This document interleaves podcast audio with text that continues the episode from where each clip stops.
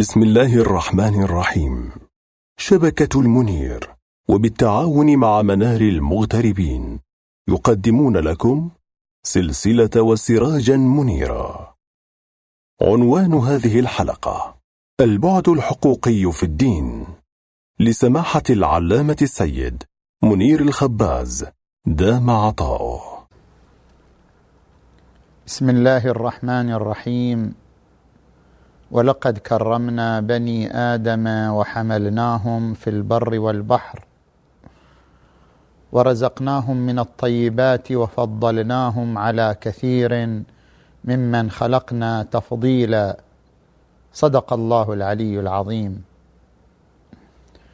ربما يتصور الإنسان أن الدين مجرد تكاليف والزامات بينما الحضارة الإنسانية خصوصا في الغرب هي حضارة الحقوق. وفرق بين لغة الحقوق ولغة التكاليف. الدين مجموعة إلزامات وقيود. يحرم ويجب ويحرم ويجب. أما ما هي حقوقنا؟ ما هي مستحقاتنا؟ ما هي ما لنا لا يتكلم عنها الدين. بينما الحضارة الغربية تركز على حقوقك حقك. ما هو الذي لك؟ ما هو الذي يجب أن تلتزم به الدولة والمجتمع لك؟ فرق بين لغة التركيز على التكاليف الحرام والواجب وبين لغة التركيز على الحقوق هذا التصور عن الدين خاطئ جدا. لماذا؟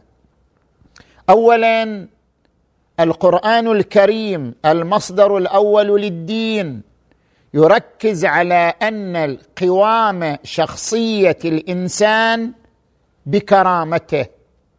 ولقد كرمنا بني آدم وحملناهم في البر والبحر. يا أيها الناس إنا خلقناكم من ذكر وأنثى وجعلناكم شعوبا وقبائل لتعارفوا لا لتتناحروا ولا لتختلفوا لتعارفوا. القرآن الكريم يركز على أن الإنسان بكرامته والكرامة تعني الحقوق. الكرامة التي وهبها الله ومنحها الله للإنسان هي كرامة تكوينية بأن أعطاه عقلا وإرادة وقدرة على الإبداع وكرامة تشريعية بأن منحه الحقوق الكاملة احتراما له واعزازا لشخصيته. لأجل ذلك الإنسان بنظر القرآن هو الإنسان المحقوق والمحق أي الإنسان بتوفير حقوقه إليه. هذا اولا. ثانيا إذا راجعنا إلى أفضل الكتب من التراث الإسلامي ألا وهو رسالة الحقوق للإمام زين العابدين علي عليه السلام وجدنا انموذجا وتفاصيل للحقوق لا توجد في أي قانون غربي ولا توجد في أي نظام حضاري رسالة متكاملة في الحقوق. حقوق الجوارح حقوق النفس حقوق القلب حقوق الجار حقوق المرأة حقوق الرجل حقوق الوالدين حقوق الأولاد حقوق الحيوان حقوق الدار حقوق الأرض حقوق البيئة. حقوق لم يتكلم عنها القانون الغربي إلا في القرن الحديث. وقد تكلم عنها زين العابدين قبل أكثر من ألف سنة إذا راجعنا كتاب رسالة الحقوق. ثالثا نحن الآن في مقام المقارنة بين تفاصيل الحقوق في التشريع الإسلامي وتفاصيل الحقوق في الحضارة الغربية. هناك تميز في التشريع الإسلامي في سعة الحقوق وعددها وحجمها. ليس في النظام الغربي حق للجار الجار بما هو جار لا الجار بما هو إنسان يعيش في المجتمع. هذا حق لكل إنسان. الجار بما هو جار له حق خاص. لقد كان رسول الله يوصينا بالجار حتى ظننا أنه سيورثه. الإسلام يرى حقا للنطفة.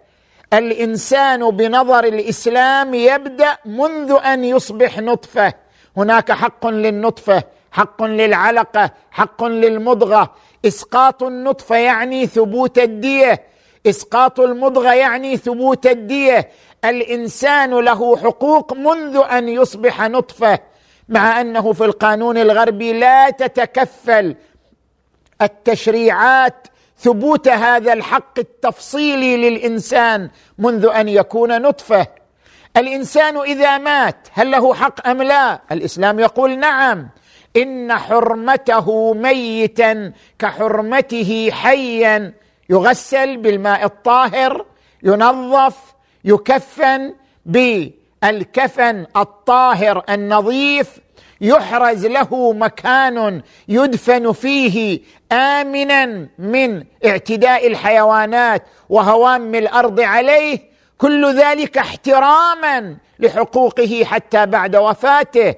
اذا هذه المجموعة والمنظومة من الحقوق موجودة في التشريع الإسلامي وليست موجودة في نظام آخر.